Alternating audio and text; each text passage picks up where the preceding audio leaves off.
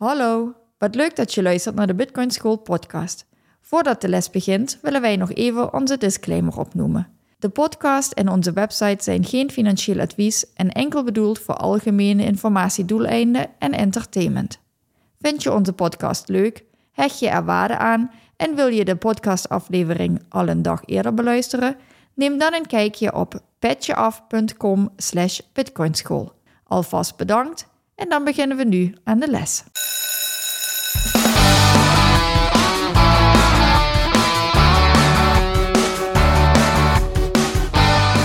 En welkom bij de Bitcoin School podcast. In deze podcast willen we jullie de wereld van Bitcoin dichterbij brengen. Dit doen we door Bitcoin op een eenvoudige manier vanuit de basis uit te leggen. In deze aflevering gaat het over wat is eigenlijk geld?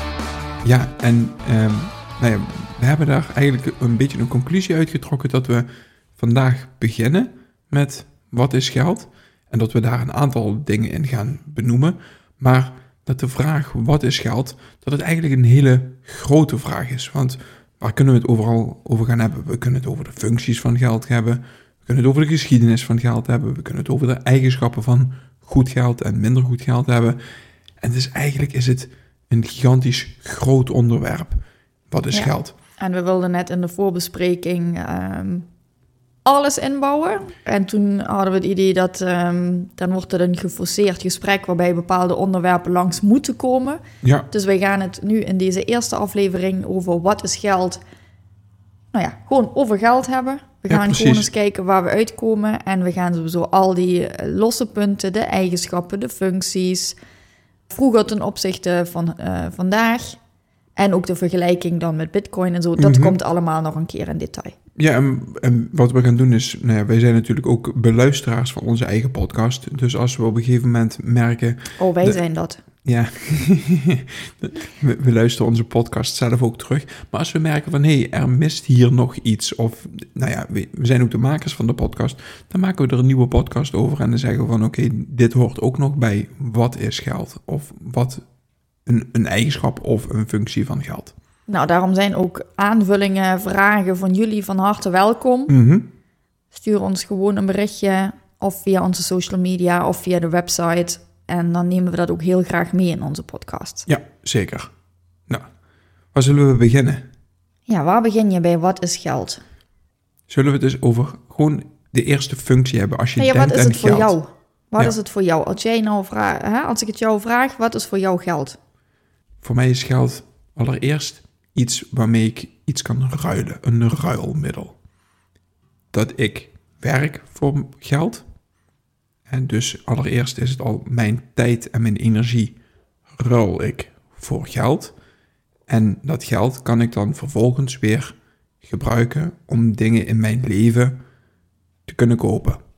Dingen die ik nodig heb, zoals eten, Dingen die je niet nodig hebt. Ook. en ook dingen die ik niet nodig heb. Ja. Ja.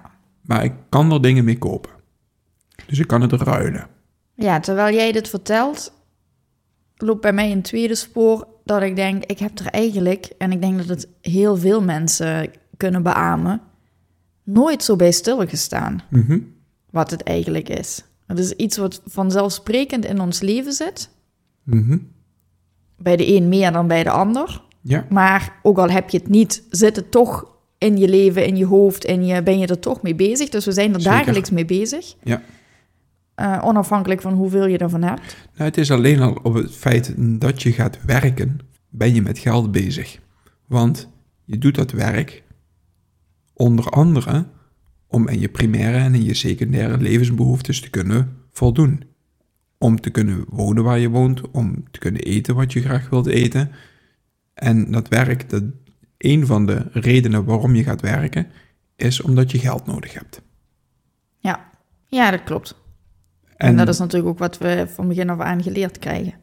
Ja, precies. Dus inderdaad, het is iets van een ja, ruilmiddel in dat geval. Ik ruil mijn energie en tijd tegen Mhm. geld. En vervolgens kan ik met dat geld weer mijn geld tegen andere dingen ruilen. Tegen energie en tijd of producten, waar ook tijd en energie in zit, van Mhm. anderen. Ja, precies. Want eigenlijk gebeurt dat op het moment dat je van jouw geld dan een broodje koopt bij de bakker. Dan heb jij in die tijd dat jij gewerkt hebt, heb jij geen broodje kunnen bakken. En je hebt ook niet de producten gehad om een broodje te kunnen bakken, maar de bakker heeft dat wel voor jou kunnen doen. Dus jij ruilt de diensten en de producten van de bakker, ruil je in voor het geld wat jij verdiend hebt met jouw expertise, jouw tijd, jouw energie in te zetten. Ja.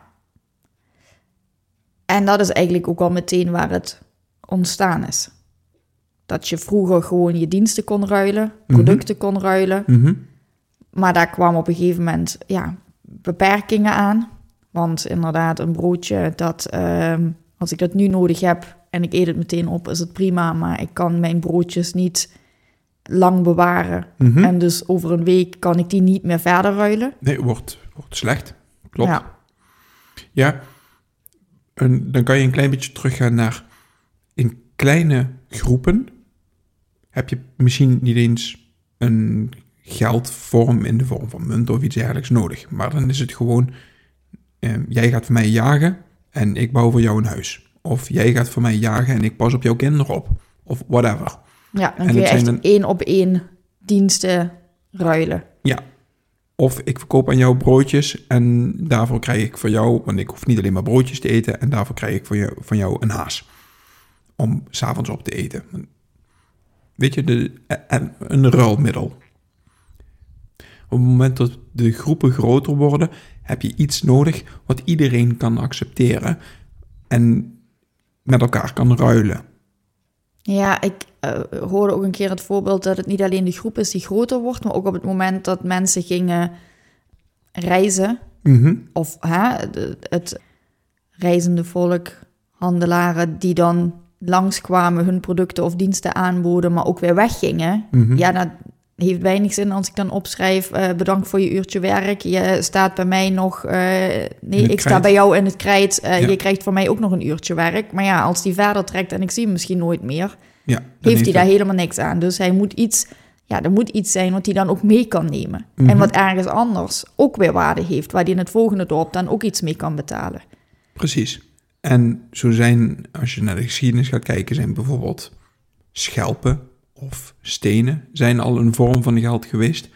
En natuurlijk een van de meest voorkomende vormen van geld zijn munten. Gouden munten of zilveren munten of iets dergelijks.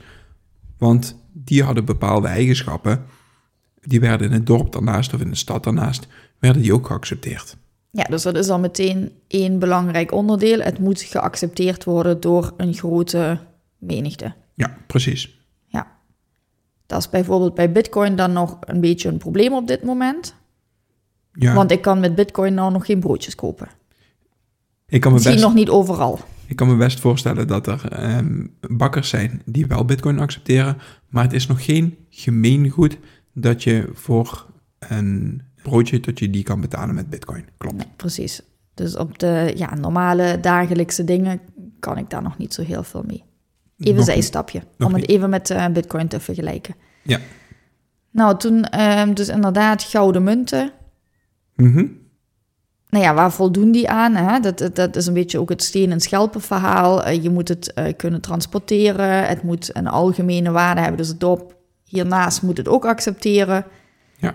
Het moet duurzaam zijn in de zin van... het moet ook over de tijd meegaan. Het, kan- moet niet volgende niet- week slecht zijn. Precies. Een broodje kan geld zijn, maar is geen goed geld, want dat vergaat. Dat Nou ja, het is een ruilmiddel, maar het is geen waardeopslag... want ik kan het niet opslaan. Klopt. Waarbij ik meteen waardeopslag noem. Dus het is ook iets, het moet over langere tijd de waarde vasthouden. Ja.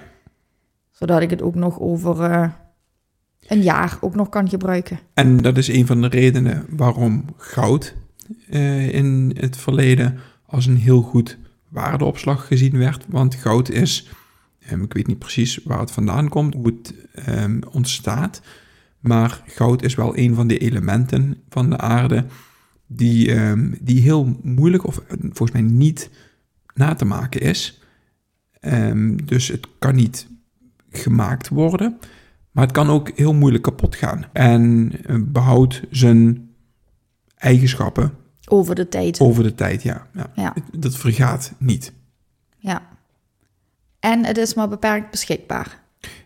En het Want- is inderdaad... In het geval van schelpjes of iets dergelijks, nou ja, het verliest een waarde als ik zelf zonder werk te verrichten naar het strand gaan gaan, zelf wat schelpjes kan zoeken en dan ineens ook heel veel schelpen heb en een schelpenmiljonair ben. Ja, precies. Zonder dat ik die geruild heb, zeg maar. Dus dan, eh, hè, dus een, een bepaalde beperkende factor, schaarsheid, is hier ook wel belangrijk in. Ja, en het is een van de belangrijkste, naar mijn mening, een van de belangrijkste eigenschappen van, van goed geld. We hebben het steeds over geld en goed geld. Ja, een broodje kan geld zijn, maar is het dan ook goed geld? Nee, want het voldoet niet aan alle eigenschappen die goed geld zou bevatten. Ja, dus goed geld voldoet aan alle eigenschappen. En die eigenschappen gaan we nog een keertje op een rij benoemen. Ja, we hebben er een aantal benoemd. We hebben een aantal. en heel, misschien eh, missen we er in deze aflevering een paar, maar dat maakt helemaal niet uit. Ja. Dus dan heb je goud. Dat, heb je, dat kun je onderverdelen. Dat is ook heel belangrijk. Mhm, Ja, Want aan één blok goud... Nou ja, het moet een soort van rekeneenheid, noemde jij het in het voorgesprek. Mhm. eh, is volgens mij de officiële term, zijn. En daarvoor moet je het kunnen onderverdelen. Want het kan niet dat ik voor een huis één blok goud betaal... maar voor een broodje betaal ik ook één blok goud. Dat werkt natuurlijk niet. Dus ik heb een, een, een rekenmaatstaf nodig. Ik moet het kunnen onderverdelen... en daardoor ook een soort van ja, hiërarchie of relativiteit erin kunnen brengen. ja en, en even vergelijkend met de euro. Een, een ondermaatstaf van de euro is de eurocent. Hè? Ehm, je kan het onderverdelen in 100 centen, is 1 euro. En goud, ja, van, je zou van het goudblok zou je een stukje af kunnen hakken. Of je Nou zou ja, er verschillend grote munten. verschillende grote munten inderdaad. En die hebben dan een verschillende grote, eh, een verschillende waarde. Ja. Nou ja, dan ehm, zijn ze op een gegeven moment van de stenen en de schelpen. Nou ja, dan kom je dan uit bij goud. Mhm. Wat aan een aantal hele belangrijke eigenschappen voldoet. Ja. Dus hè, dat het niet kapot gaat, langdurig waarde vasthoudt, Mhm. bepaalde schaarste heeft. Mhm. Niet makkelijk nagemaakt kan worden. Kan niet, precies, kan niet gekopieerd worden. Alleen, het is loeizwaar. Je gaat afhankelijk van hoe de maatstaf de rekeneenheid is, ga je Mhm. niet eh, naar de bakker met drie goudstaven. Nee. Of mini kruimeltjes goud die ergens uit een eh, rivier eh, gevist zijn. Nee, precies. Dus daarin is goud eigenlijk in het verleden goed, redelijk goed geld geweest, maar op een gegeven moment verdeed het niet meer aan dat goede geld. Want als je een grote hoeveelheid wilde transporteren of iets dergelijks, ja, dan was dat een uitdaging. Maar ook de opslag van goud is een uitdaging. Dus opslag inderdaad en transport Mhm. zijn ook hele belangrijke maatstaven of eigenschappen. Ja. Nou ja, volgens mij is zo op een gegeven moment de goudstandaard ook ontstaan. Die hadden we al een keer benoemd. Dat eh, goud dat ging in een kluisje en ter waarde van dat goud in het kluisje werden papieren uitgedeeld. Ja, en eigenlijk klopt inderdaad dus wat er, wat er gebeurd is. Banken die kochten goud en die zeiden van oké, weet je, ik heb hier goud in de kluis en dit heeft zoveel waarde.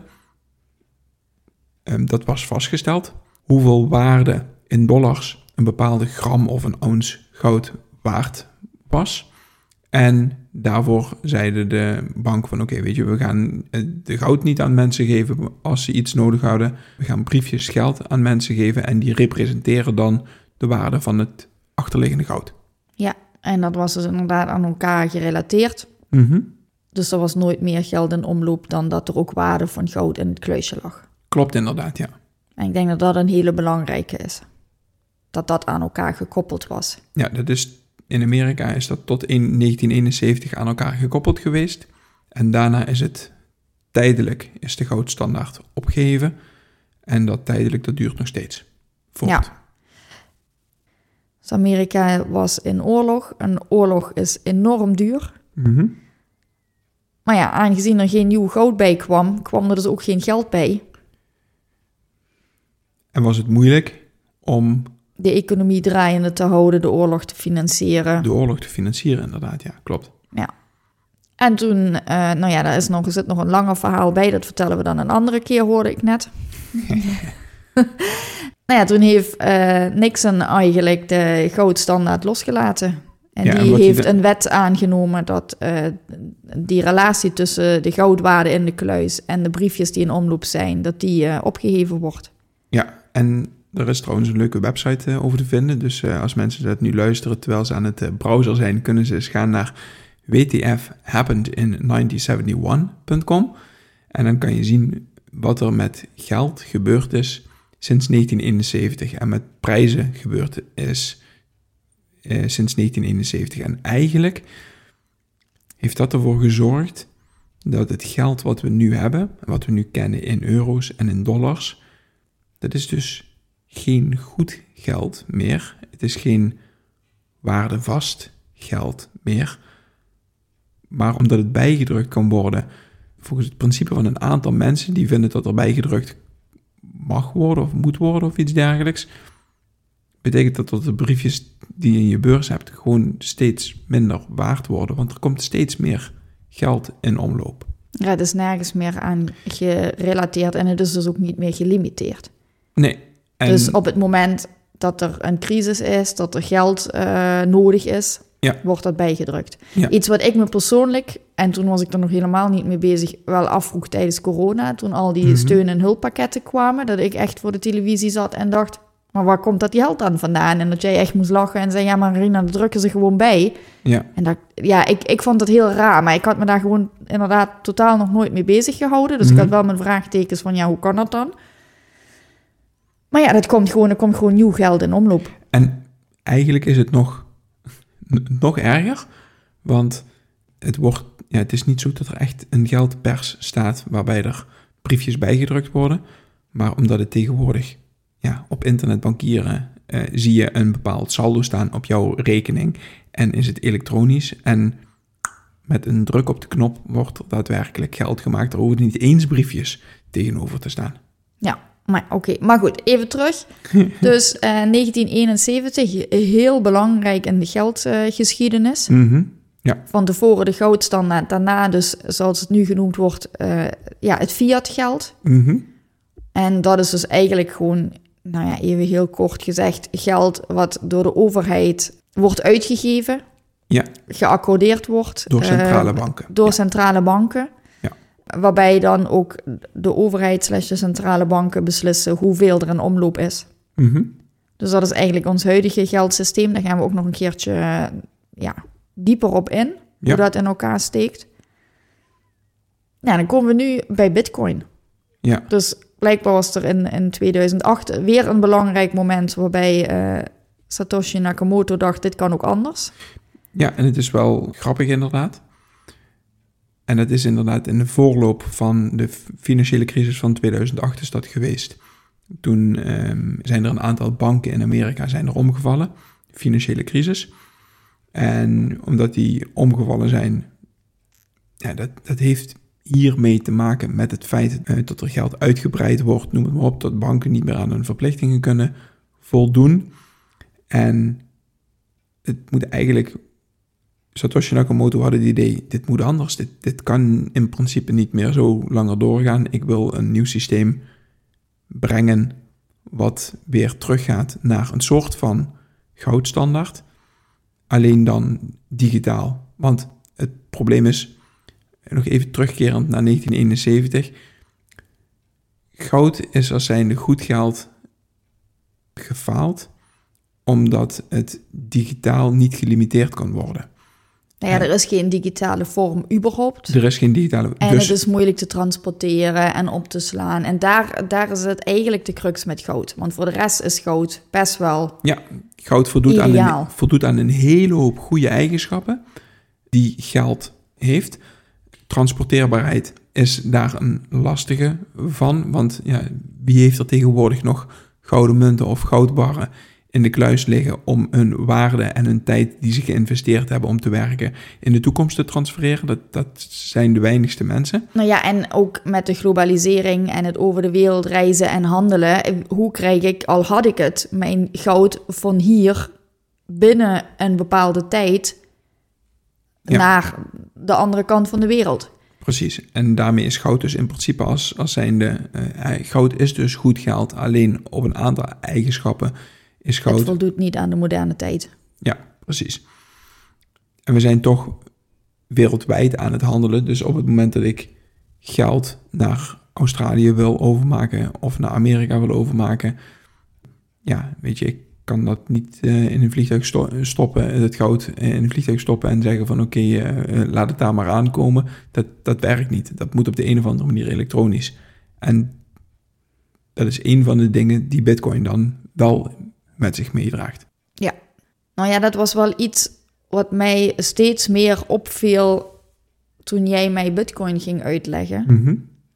En ik merk dat nog steeds, hè, dat, dat is natuurlijk een, een ongoing process. Ik duik daar net pas een paar weken in.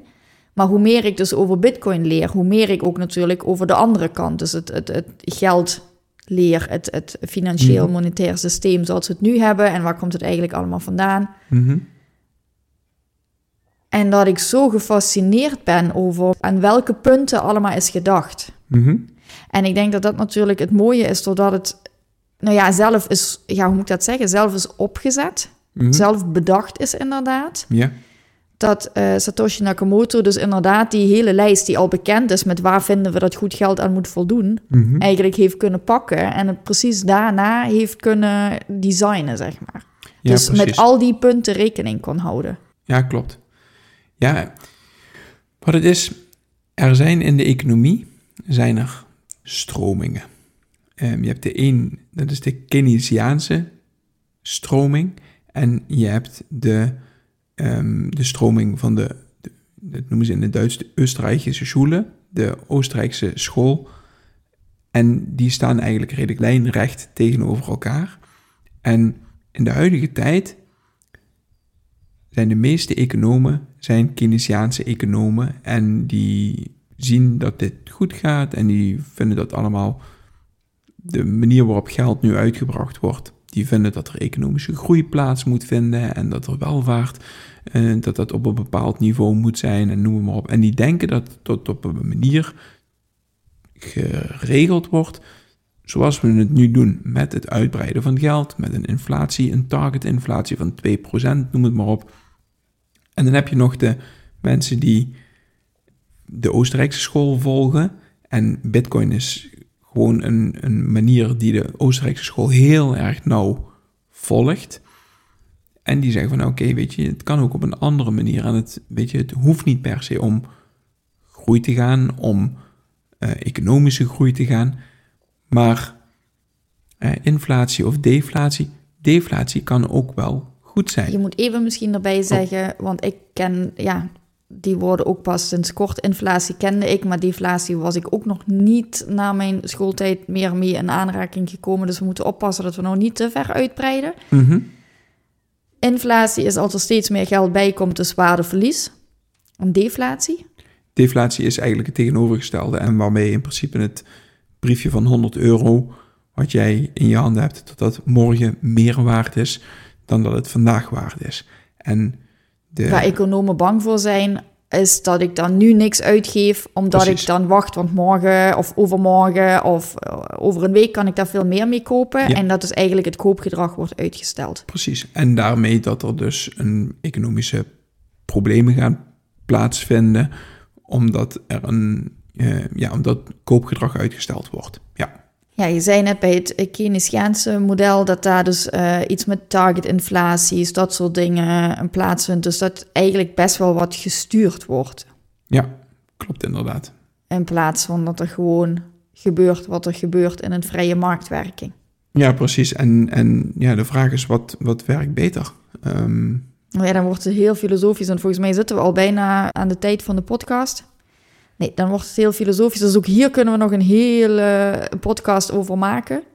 Nou ja, om terug te komen dus inderdaad. Er is geen goudstandaard meer. Het is nergens meer op gebaseerd. We hebben nou het fiat geld, wat vooral ook, dat hebben we ook nog niet uitgelegd, is gebaseerd op schulden. mhm. Een schuldgeldsysteem. En dat is echt heel veel informatie. Dat moeten we echt allemaal nog een keertje terugluisteren en dan nog opbreken in, onder, eh, in verschillende onderdelen. Maar dat is wel leuk om te doen, toch? Ja, het is geweldig. En we kunnen hier thuis, nou ja, dat kunnen we niet alleen, dat doen we ook, eh, letterlijk de hele dag over eh, praten inmiddels. Mhm. Ik vind het ook zo enorm interessant. Deep down the rabbit hole. Maar goed, dus inderdaad, ik vind het lastig om alles in één aflevering te persen, wat ik er allemaal graag in zou willen. Ehm, nou ja, dus even samenvattend. Nou ja, samenvattend denk ik dat het een goede is om, om even terug te kijken naar wat is nou uh, precies geld. Hè? Want daar gaat deze over, aflevering over.